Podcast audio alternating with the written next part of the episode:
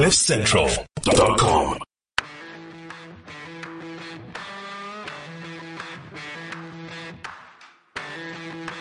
Welkom by die Klipkouer Spotgooi waar ek gereeld gesels met Afrikaanse entrepreneurs en impakmakers ten einde die beste praktiese advies met jou te deel. Ek is jou gasheer, Jacques Passon. Laat die wiele rol.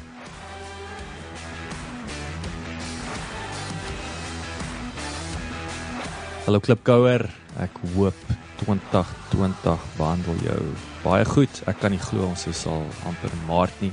Ek moet weer eens 'n verskoning vra. Ek het ek het so 'n bietjie my eie pot gooi afgeskeep die afgelope paar maande.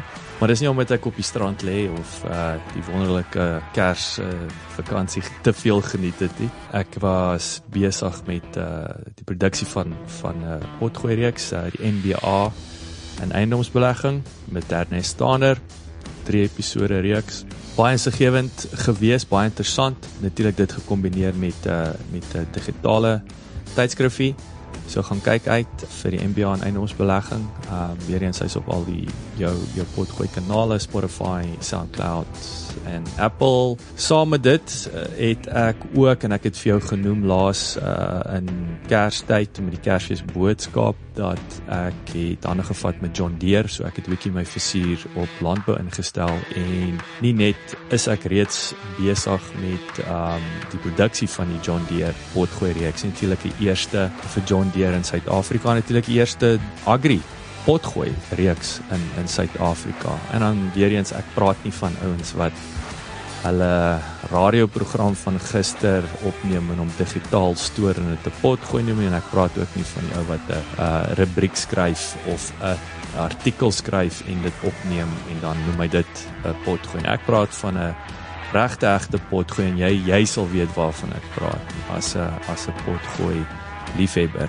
Dit is dis 'n nisgesprek Ek onttegnies dit natuurlik. Ja, ouens vra vir my wat weet jy van van boerdery af? Nee, ek verstaan besigheid en dis weer eens ek fokus op die besigheid van boerdery.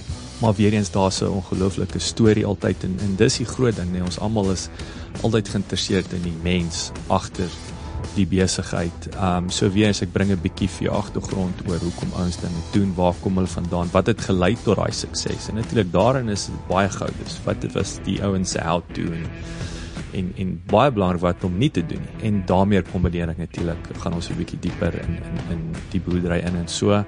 Dis natuurlik baie winnend, ehm um, is uitdagend wat ook interessant is. Ek leen nou ook na sekere onderhoude waar ons probeer Afrikaans en Engels doen en die Engels is natuurlik om 'n om 'n wyeer mark te bereik met met hierdie waardevolle inligting veral waar ek met ouens gesels oor hulle gemeenskap en werkersontwikkelingsprogramme en dis natuurlik ek wil daar in die groot klok hang om om vir die wêreld te wys wat baie van hierdie boere al vir jare doen sonder 'n geweer teen hulle kop.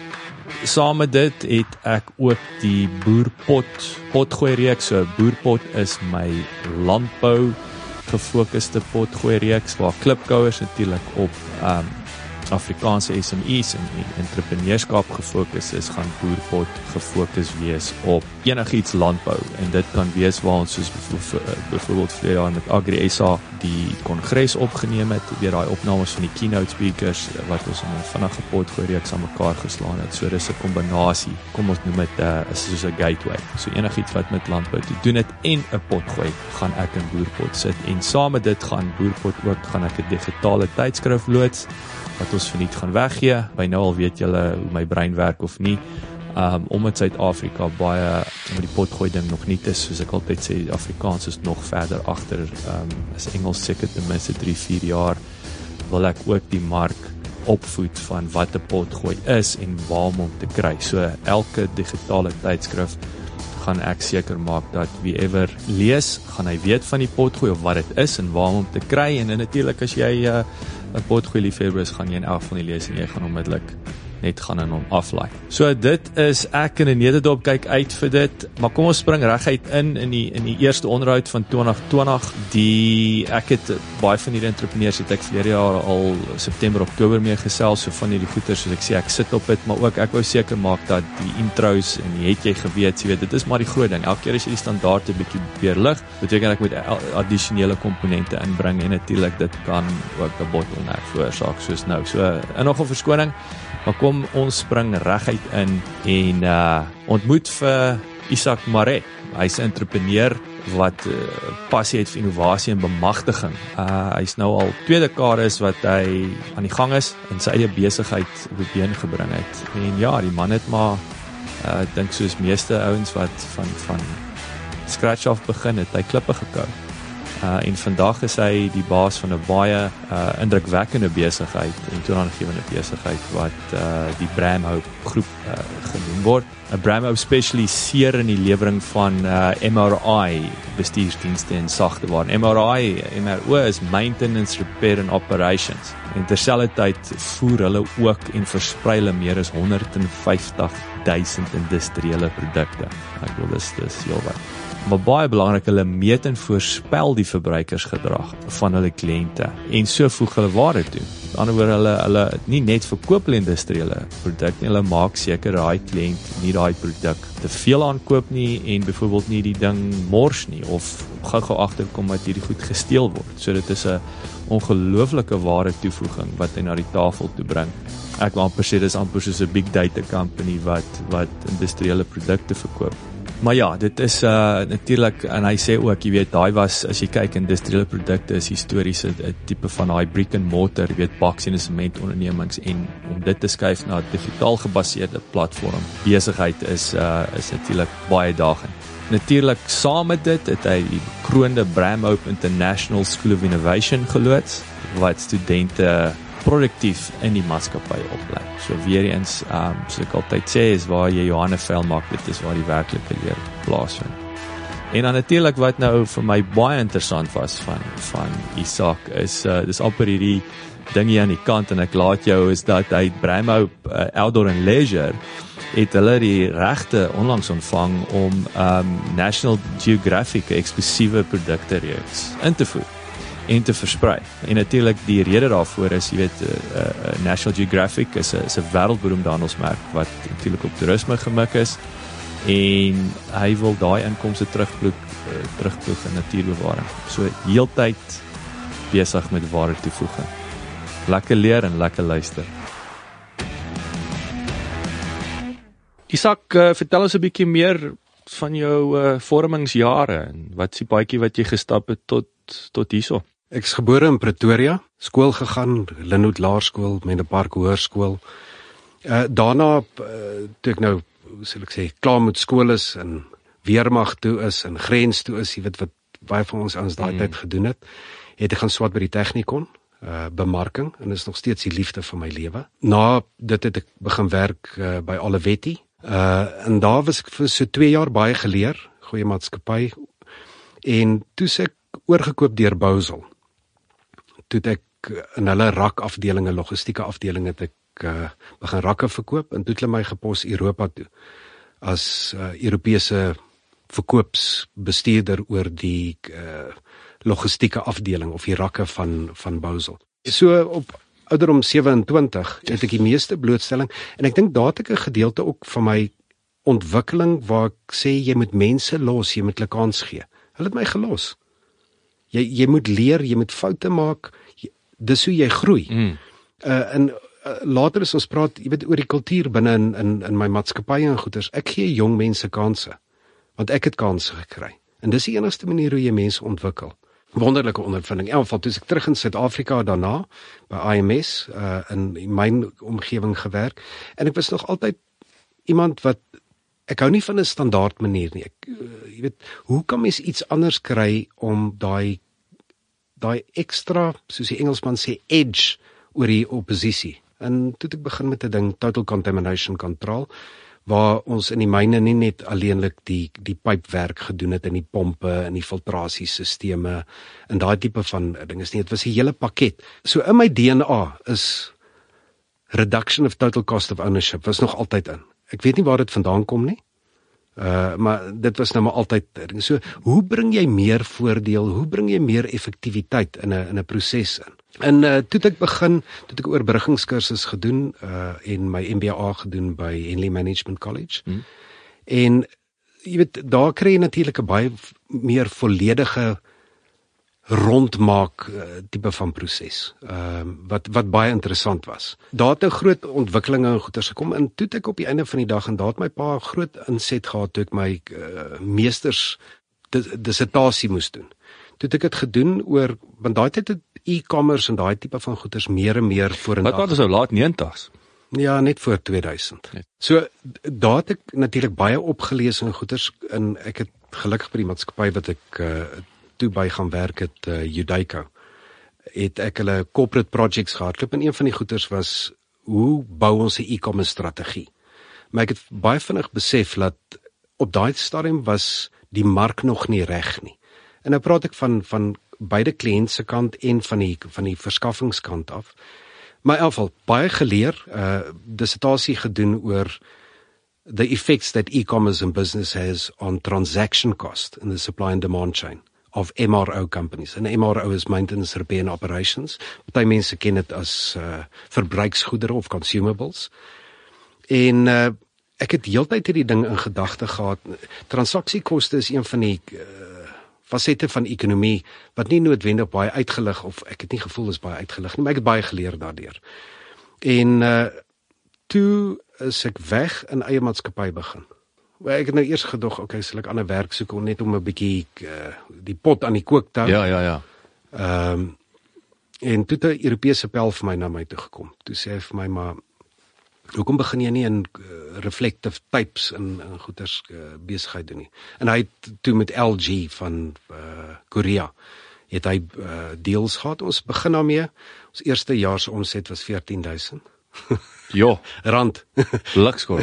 so is niks. Jy kan nie 'n familie Ek kan net sê dis uh, dis 'n probleem. Ja ja, met drie kinders en goeder so gelukkig die familie almal het saam gestaan, ja. weet dit uh, in in uh, geld. En toe het ons uitgebrei na reflective type toe en toe oorgegaan na ehm um, veiligheidsklere en ons met 'n groot Franse maatskappy het ek hulle verteenwoordig in in Suid-Afrika. Jy het nog steeds mynbou gefokus gebly al die nee, tyd. Nee, dis dis meer algemene verbruiksindustrie. ver, verbruikersindustrie uh, tipe van vervaardiging wil ek ja. sê vervaardiging. En jy weet daar nie in die begin jare net net eksampels nou ry ek met 'n 'n golfie sonder aircon en gaan soek nou met die ouens oral wat daai tipe van goed koop. En sê ek vir hom jy het 'n keuse. Jy koop of hierdie samples by my of ek gaan jou vra vir 'n almoes want ek moet my familie my familie met 'n kos gee.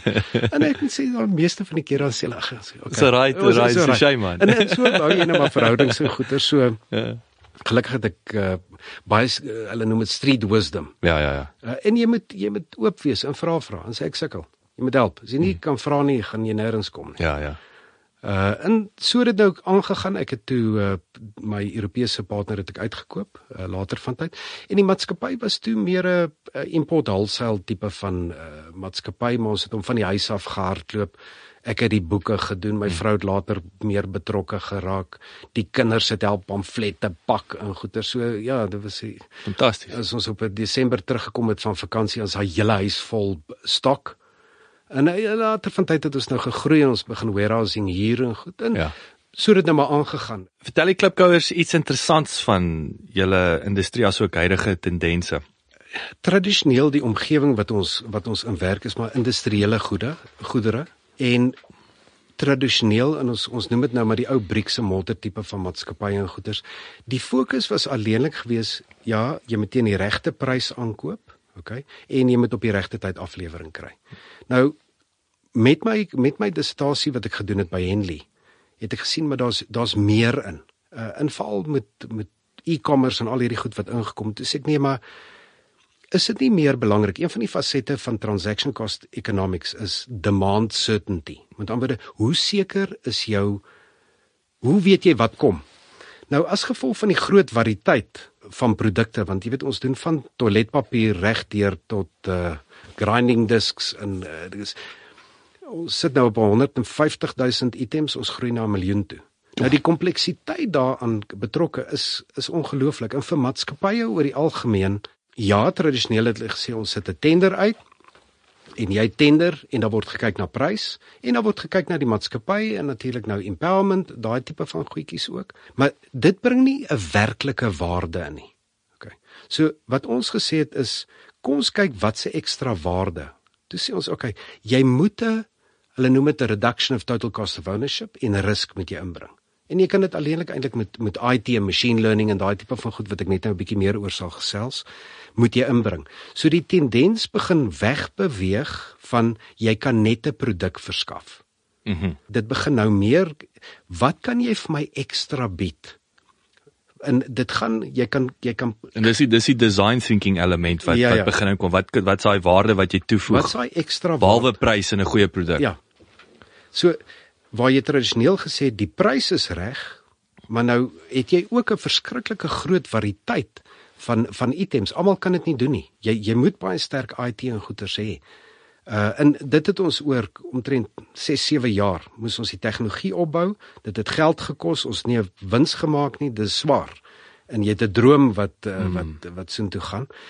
Maar in elk geval, ons het dit begin regkry want jou jou jou grootste besparing op die einde van die dag is die beheer en bestuur van die verbruik. Dis kom ons ook sê we measure, we predict the behavior and consumption. As jy dit kan doen, kom ek noem nou 'n simpel voorbeeld. Ehm um, in die begin van die jaar eh, gaan almal terug skool toe. Nou wat in maatskappye tradisioneel gebeur is, dan is die penne en papier verdwyn. Nou die waarde van daai item is baie laag. Maar as jy as jy begin kyk oor tyd dan dan kan jy teen die regte prys aankoop, maar as jy goed verdwyn of nie reg gebruik word nie, dan Dit raak duur. dan raak dit duur. So die daai mark, die MRO mark is omtrent tussen 8 en 15% van enige maatskappy se spandering. Pragtig. Enige maatskappy, geen nie om of jy 'n bank is en of jy 'n fabriek is of maak nie saak nie. Dis jou spandering. Nou as jy kyk na die platformmaatskappye, die tradisionele briekse motor begin die die koste basis is te hoog. En kom ek noem nou vir jou 'n voorbeeld. Ons het ek het drie groot kostes. Uh my een koste is natuurlik IT infrastruktuur, ja. maar ons begin natuurlik van die sagte ware nou bied aan kliënte dat hulle nie noodwendig net produk by ons koop uh, en die sagte ware gebruik maar hulle kan net die sagte ware want daar's daar's al baie waarde daarin. So nou subsidieer ek dit op op daai manier om verder ontwikkelings te kan doen en beter in in machine learning en fourth industrial uh uh revolution en goeders uh, betrokke te raak. My ander gedeelte is in die ou dae het jy 'n gebou gehuur of jy het hom gekoop. Nou wat wat ons nou gedoen het eh, as jy kyk 'n uh, Takealot daai tipe van ouens sê ons gaan ons eie distribusie infrastruktuur en goederes neersit. Dieselfde met Amazon, hulle het ook gedoen. Ons het gesê nee, ons gaan nie daai roete nie. Kom ons vo vorm eerder 'n verhouding met iemand wat alreeds meesters is in in in daai dinges. En ons het by Ermex uh, het ons nou ons hele logistiek en en en warehousing het ons het ons ingesit. Ek sien daai ding om jou nek te loop.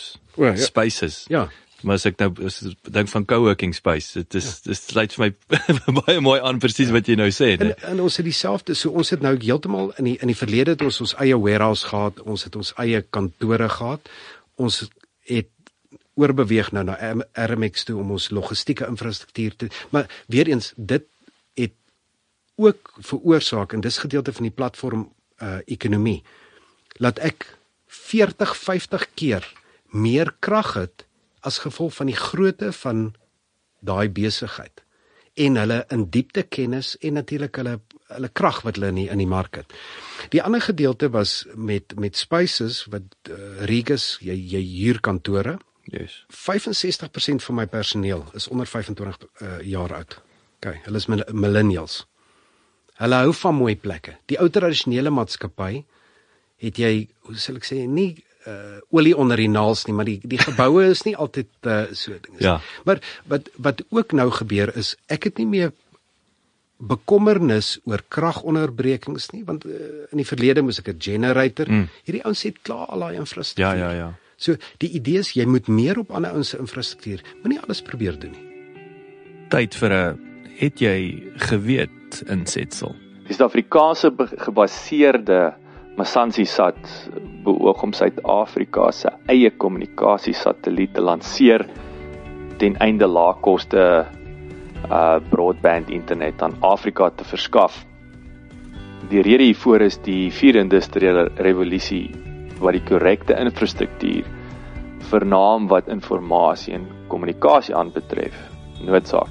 Volgens die hoofuitvoerende beampte van Masansi Sat, Victor Stefano Polli, ek dink nie dis ek het dit reg uitgespreek nie, vereis die moderne samelewing dat Suid-Afrika alomteenwoordige internetverbinding skep en ek dink dit al genoem vir jou in die verlede dat in Engeland selfs dit word deel van jou menslike regte geag om toegang tot tot internet en vinnig internet hê. Hy sê natuurlik een opsie is om biljoene dollars te spandeer op die lê van die nodige infrastruktuur ondergronds of natuurlik die alternatief is 'n is 'n satelliet 'n telekommunikasie. Alvorens ons eh, die ekonomie 'n hulpstoot kan gee, moet eers die basiese goed in plek wees. En natuurlik om hierdie rede beveel hy alomteenwoordige internetverbindings aan. En dit is natuurlik goeie nuus vir e-commerce, dit is goeie nuus vir potgoeie, dit is goeie nuus vir enige digitale besigheid. National Geographic, vertel my 'n bietjie meer van dit asseblief. OK. So ons het ons het die industriële maatskappy uh, wat wat natuurlik Bramup Groep is. Onder hom was daar 'n uh, kom ons sê afdeling Bramup Outdoor and Leisure wat heeltemal anders is. Nou 'n paar jaar gevat om die, om die regte te kry vir National Geographic. Maar National Geographic is naby my hart. Jy weet die die brand staan vir baie goeie goed. Ek het die brand nog altyd geken. Uh, ek hou van wat hulle doen, teruggee vir navorsing, uh, die natuur, die omgewing. En hoor ek van die buiteligging goeders ook hou dit, dit pas net vir my in. Mm. Uh, Selfs jy weet mountain biking om lekker te gaan mountain bike. Mm. Dis iets wat dis 'n persoonlike passie. Dit het baie jare gevat om die om die kontrakte baie komplekse kontrakte te onderhandel. Is is dit omdat hulle is dit oor daai brand equity? Is dit is die ouens sensitief ja, oor hulle handelsmerk? Verskriklik. Is dis Nee nee, die die verskillende goed wat jy moet doen en natuurlik ek sê sê lifestyle audits, maar hulle doen verskriklike audits op jou om te sien is is jy iemand wat korrek en reg werk. So dit het 'n lang proses en ons moes deur verskillende maatskappye initieel werk vir ons dit kon kry wat nou verander het uh, in die, in die dinges en dis kom ek net aangehou het gesê het maar okay. So ek neem as dit ouens wat hulle ekskuus weer ouens dalk lisensie hanteer. So jy moet nou met daai ou gaan werk jy nou 'n T-shirt wil print. Ja. Dis nie eers jy kom jy's nie nee, naby nee, National Group. Nee nee, in die, in die, in die begin het hulle gesê okay, jy kan retail winkels kan jy begin en ons het onderhandel met die met die waterfront in Kaapstad en goeders, maar die model kon nie werk nie. Want jy moet jy moes minstens 15 20 winkels neersit. Retail het begin afgaan, maar die ander ding is van jou supply chain, ek moes al daai produkte moes ek inbring. Jy nou moet jy nou moet jy dit betaal en sit daar in sit daar in die warehouse. Nou sit dit in die warehouse en jy weet nie of daai spesifieke styl, want die ontwerp van die produkte was in die buiteland gedoen. So gaan daai style posvat hier by ons. So ek net gesê dit gaan nie werk nie. Jy jy kan nie geld maak op nie. Tot ons hulle op die einde van die dag deurgekry het en gesê ons mag hier brand, ons mag hier vervaardig uh onder baie baie streng reëls. Yes. Okay. Maar ons verstaan dit. Werk natuurlik ook baie nou saam met hulle want Fox televisie doen die National Geographic televisie of die media gedeeltes en hulle help ons baie daar. So ons is ons is baie opgewonde oor die produkte. Ons het 'n um, luggage reeks wat gaan inkom. Ons het 'n hele reeks um, T-shirts en peaks en goed en so. Is dit is dit die primêre produkte? Is jou jou jou jou jou klere en dan nou Ja, en dan dan het ons ook met van die ander lisensiehouers in Duitsland, eh, verkykers en daai tipe van goed. So okay. ek ek ek ek bring nou die verskillende want daar's verskillende lisensiehouers reg deur die wêreld. Bring ons nou bymekaar om soos hulle sê 'n fuller offering op die op die mark te sit. Mm, mm, mm. Maar dis wonderlike eh, produkte, dis 'n wonderlike geleentheid. Ons gaan al die ehm uh, uh, natuurreservate in. Uh, begin is baie uh, maar meer gefokus op toerisme alhoewel ons baie sensitief ons eerste gereek, uh, gedeelte van die reeks is 'n prysensitiewe reeks. Met ander woorde dat enige ou dit kan koop. Hy koop 'n kwaliteitproduk hy weet van die geld gaan terug na natuurbewaring toe maar hy kan dit bekostig mm, mm. dit help nie jy kom in met 'n met 'n produk wat te duur is wat ons nie kan koop nie. So ja. ons begin met 'n baie prysensitiewe gedeelte en dan bou ons dit op na na meer tegniese produkte toe. Ons wil graag natuurlik meer met jou organiese katoene en goeders mm. begin werk. Wat op die oomblik vir ons bietjie van 'n probleem is om in Suid-Afrika in die hande te kry. Maar iemand sal ons bel en sê ek kan jou help met T-shirts, is organies, is vriendelik. Uh en dan werk ons net maar daar volgens. Dis interessant. Maar dit lê alles op dieselfde platform. Dis ehm um kom terug na John Deere toe. Ehm um, hulle dierste, ek was nou in Nampo gewees. Dit was nou die grootste stand daar. Nou hulle dierste masjien is die katoenplikker. En hy's 13 miljoen. Maar dit is interessant, die ouens het nou begin katoen plant in Suid-Afrika met die droogte. So dis snaaks hoe die maar dis nou net nog nie daai organiese Ons het nog nie daai chap nie, nê. Ja, ja. Wat nou kan sê, maar En, ja. en die vervaardiging natuurlik die vervaardiging Van die ding, hele ding self. materiale. Okay. So eh, okay, so 9 jaar in in wording uh, en en is hierdie 'n passieprojek? Wil jy honderde miljoene maak? Is jy wil jy wil jy 'n rand verdien terwyl jy jou passie uitleef? Ek is entrepreneur. Ons ons doen goeders oor ons uh, ja, jy wil teruggee, maar jy wil natuurlik ook wins maak. En die scope is goed. Ek bedoel, is dit net Suid-Afrika wat jy kan? Suidelike Afrika. Suidelike, En dan okay. sal ons kyk verder hoe ons So jy kan intap in al die lughawens in in Sub-Sahara wil ek amper sê. Ja. So dis ook 'n daai wat nou presies daai toerist of wat ook al. En natuurlik na jou jou, buitelug lewe uh, tipe van uh retail uh, winkels. Soos jou uh, Cape Union maar ja, daai tipe daai ouens. daai tipe van ouens, ja. Ja, ja. Hoe maak julle geld? Hoe hoe is dit Okay, 'n so- subskripsiemodel of okay, julle verkoop natuurlik, so gee ons 'n bietjie meer vleis om dit. So die eerste ding wat ons mee begin het gesê het, okay, hoe gaan ons reduction of total cost of ownership en risk doen? Dit het ons begin regkry, maar soos ons verander het, het ons begin met ons tegnologie het ons gesê, okay, measure, predict the behavior and consumption, daai regte waarde. So waar maak ons ons geld deur die verkoop van produkte, maar al meer verkoop van die dienste en die sagte ware wat ons het. So dis 'n kombinasie in kliënte, sekere ouens sê, "Wie wat sakkie, ek uh, koop my uh, my tee, my koffie of my overalls en goeders koop ek by hierdie ou. ek het 'n kontrak met hom. Jy moet net vir my asseblief die sagte ware platform want dit werk. Moet jy vir my Want ek wil weet wie drink wie mors die koffie en Ja. En uh, so daai dis nie 'n ding wat jy- dit verander die heeltyd. Nou, miskien moet ek net oor verandering uh, goeters praat. Die laaste paar jaar uh het het ons aan 'n paar kompetisies deelgeneem. Uh, een van die kompetisies wat ons 3 jaar in 'n ry aan deelgeneem het was ehm um, 'n top 100 technology companies in Suid-Afrika wat deur Da Vinci uh, aangebied is. ja. En daar was ons onder die top 100 uh, tegnologie maatskappye. In ons industrie natuurlik. Groot ouens soos FNB, al daai ouens is daar maar in ons omgewing. Maar ons het baie geleer deur uh, daar was op 'n stadium 'n uh, innovation index. En dis deur dis deur Accenture uh, aangebied. Die eerste jaar het ons ons platform opgesit, maar toe was dit nog 'n PPE management system. Nou is dit 'n MRO management system. En ons het onder die top 10 mees innoverende maatskappye in Suid-Afrika ingekom uh onder 35 miljoen. OK. Die tweede een wat ons aan deelgeneem het, het ons ons uh partnership program. OK. Die partnership program uh die eenvoudigste manier om hom te verduidelik in goeters is om verhoudinge met maatskappye, kom ons noem jy het Kalula, jy hoe maak jy meer geld uit Kalula uit uh jou passasiers wil graag karre huur. Maar wie doen die wie doen die werk aan die agterkant? Eurocard doen dit. Maar Kalula kry geld daarvoor. So die modelle werk baie Dis dis weer daai dit is 'n white label komponent. Ja. Weer eens, jy sit gaan sit op 'n ander se platform en dan ja, en met daai het ons uh, onder die top 3 in in Suid-Afrika ook in die kategorie gekom. En wat wat ons nie daai tyd besef het nie, as jy kyk die verandering wat nou gebeur in die mynwese en in ons algemene politiek en ekonomie is lokale gemeenskappe soos in die mynwese omgewing moet van daai geld kry. Maar hulle het nie noodwendig die infrastruktuur van van 'n IT omgewing of van die produk supply chain sourcing daai daai tipe van goederes nie. Ons pas pragtig daarin. Mm. En daar's nou 'n paar mynbouprojekte wat ons aan werk waar van die groot myngroepe soort van sê ons moet geld aan die aan die lokale uh, bevolking en goederes gee.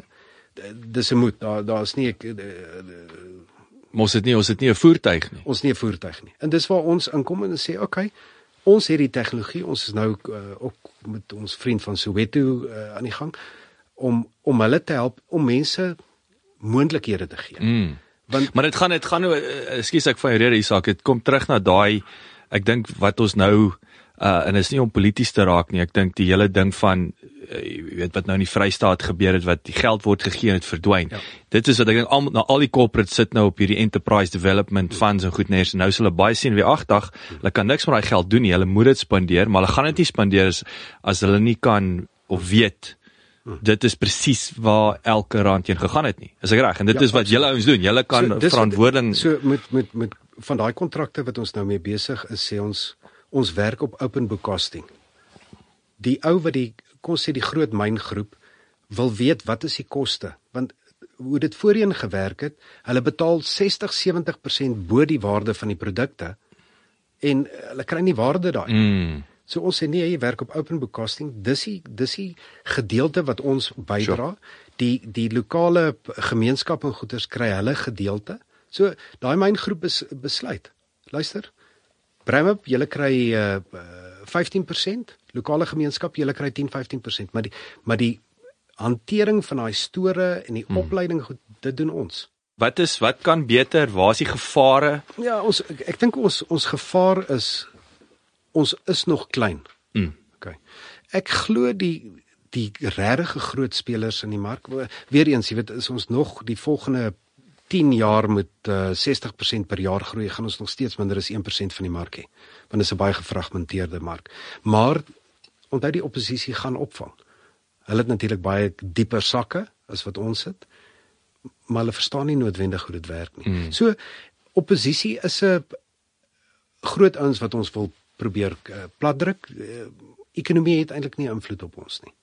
Uh want die mark is so groot. Mm. Al gaan hy agteruit. Soos jy sê, jy het 1% van die mark, jy worry oor die 99 ja, is jou geleentheid, ja. nie nie die ja. grootte van die koek. Ehm um, ja, as die hele Suid-Afrika se internet afgaan, dan is ons dood. Mm. Want uh, ons hele ons ons hele ons hele besigheid is daarop gebaseer. Wat is daai ratio jy praat nou van 1% eh, van die mark? Is dit Suid-Afrikaans of is dit Ja, en eh, onthou dan aan die ander kant. Ons het dan met jy internasionale geleenthede ook natuurlik, ja, nee. Ja, verskriklik, want ons ons stelsel is gebaseer op 'n Oracle database. So ons kan multi-currency, multi-tax, multi-language, multi-location is klaar daar. So vir ons volgende stap is om is om oor die grense te spring. In hmm. ander lande daai effektiwiteit in te bring.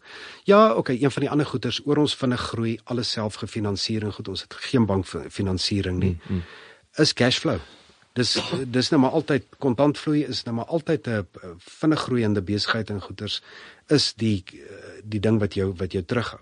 As jy nou praat van 'n 150 000 na miljoen items. Mm. Hoe werk daai? Moet jy daai goeders aankoop? Hou jy dit in stok? Wat hoe werk daai proses? Uh, okay, so ons begin al al fyne raak waar tussen kontant uitgee en kontant ontvang begin nou al in dae omgaan.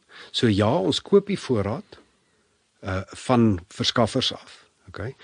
Ons kry terme by hulle en sonder dit kan ons ook nie uh, klaarkom nie. Maar dan moet ons kliënte en goederes wanneer hulle weer betaal. Daai 2 60 dae, 30 dae, daai word al meer gebalanseer. Op die einde van die dag, soos 'n gewone retailer, 'n Pick n Pay ehm um, tipe van maatskappy sal ons geld inkry vir ons uitbetaal. En in daai model moet nog baie aangeskaaf word. Maar hy begin nou ingaan om jou ook 'n idee te gee wat ons nou vir kliënte gee. Ehm um, met die uh, met hulle store is tradisioneel is jy jou eie MRO bestuur. Dan het jy correctness of order en on time delivery het jy sê op 80%. As jy dit baie goed doen. Ons hardloop op die oomblik op 98%. Just. Okay, maar as 98% beteken jou voorraadhouding. Uh nou baie van die ouens wat om minder bestuur, se voorraadhouding is tussen 60 en 180 dae. Want sekere items beweeg nie vinnig nie. En dis wanneer dit wegraak mm, en gemors mm, word en okay. Ons hardloop nou een van ons projekte op tussen 13 en 18 dae veiligheidsvoorraad. Yes. Voorraad omsetsnelheid 2.5 keer 'n maand. Nou in ons industrie is dit ongekend. Jy moet jy weet van die myne sê jy moet 60 of 80 dae voorraad. Maar as jy 60 tot 80 dae voorraad dra, is dit jou kontantvloei wat afgetrek word. Ehm um, dit kry ons mooi reg. Ehm um, net nou wat ek miskien ook moes genoem het en goed ehm um, is hoe gaan ons na die markte toe? Ons het verskillende ek dink ek het genoem van retail, so ons hmm. ons verskaf die, die hardeware industrie uh van die groot maatskappye Ons het ons ons e-commerce platform, ons het ons partnership platform en dan natuurlik jou ehm um, ons noem dit key accounts. Dis jy groot ouens wat net produk koop. Probeer hulle natuurlik omswaai na vendor managed inventory waar ons hulle voorraad ehm um, vir hulle beheer en bestuur en hulle betaal wanneer hulle dit gebruik. Drie belangrikste besigheidslesse tot dusver. Jy moet verloor om te kan wen. Hmm. As jy nie as jy nie foute maak nie, as jy nie swaar kry nie, gaan jy nie leer nie. Dan gaan jy soos die Romeine word met daai lekker potte vol kos en goeders. Mm. Heeltyd jy jy moet in dan om jouself daaroor te gaan bekommer, gaan nie help nie. Jy moet jou kop skoon hou, jy moet net aangaan. Jy gaan baie keer meer verloor as wat jy gaan wen. Maar hulle sê mos Afrikaans die aanhouer wen. Mm. Ehm um, so ek dink daai daai is en dan Hoe hou jy jou kop skoon? bid. Oefen. Sit met goeie mense om my. Mm. Okay. Mm. Dis die enigste manier. Jy weet ons het ons het geen beheer oor baie goed wat om ons gebeur nie. En om jouself, die Hollanders sê druk te maak daaroor. Druk te maak. Ja. Ek hou daarvan. Gaan nie gaan niks verander nie. Gaan So, niks so verander. baie dis 'n verskillende betekenisse in daai druk te maak. Mm. So dit, die ander ding, jou mense. Jy weet maatskappye wat baie suksesvol is, gee baie opleiding. En ons konstant, ons het nou weer nuwe in, inisiatiewe en goed. Jy moet jou mense oplei. Mm. Jy moet hulle kansse gee. Moenie sê jy het jy het 30 jaar ondervinding, jy kan nie hierdie projek doen nie. Jy weet die een projek wat ons uitgerol het, ek het 'n ou gehad wat 30 jaar procurement ondervinding gehad het by een van die groot staalmaatskappye. Toe ons die kontrak kry, toe sê hy dis te kompleks. Toe het ek twee studente, jonk. 23 dink ek op daai stadium in in uh, 24. Binne 'n maand rol ons uit. Ja. En dis oor die 3000 items. En onthou baie van die items het ons self ook nie geken nie. Ja. so, Wat vir my fenomenaal is van julle jou besigheidsmodel is hoe jy jou eie talent ontwikkel. kweek. En en en so jy jy jy los selfs daai probleem op. Ehm um, wat ja, min ouens doen dit nê. Nee. Is gewoonlik ons kry die ou in en dan moet ons hom nou uitsort nê. Nee. Want ons het internal training versus hoe kan ek cherry pick wil ek amper sê. Okay, so hoekom het dit gebeur? Eerstens, daar was nie daai tipe van mense met met kennis in in ons omgewing wat ons kon in diens neem nie. Die tweede ding is, ons klein, kon nie bekostig nie. Ja, nou So, jy dan jy nou- ou 100 rand 'n maand betaal. Ja. ja. Ja, jy moet net maar 'n bietjie plan maak. Mm. Isak, hoe kan die klipcoach met jou kontak maak? Uh hulle kan my e-mail op isak met 'n s @bramo.co.za.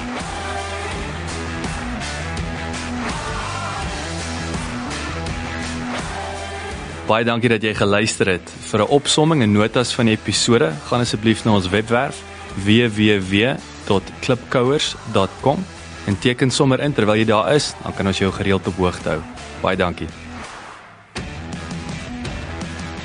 CliffCentral.com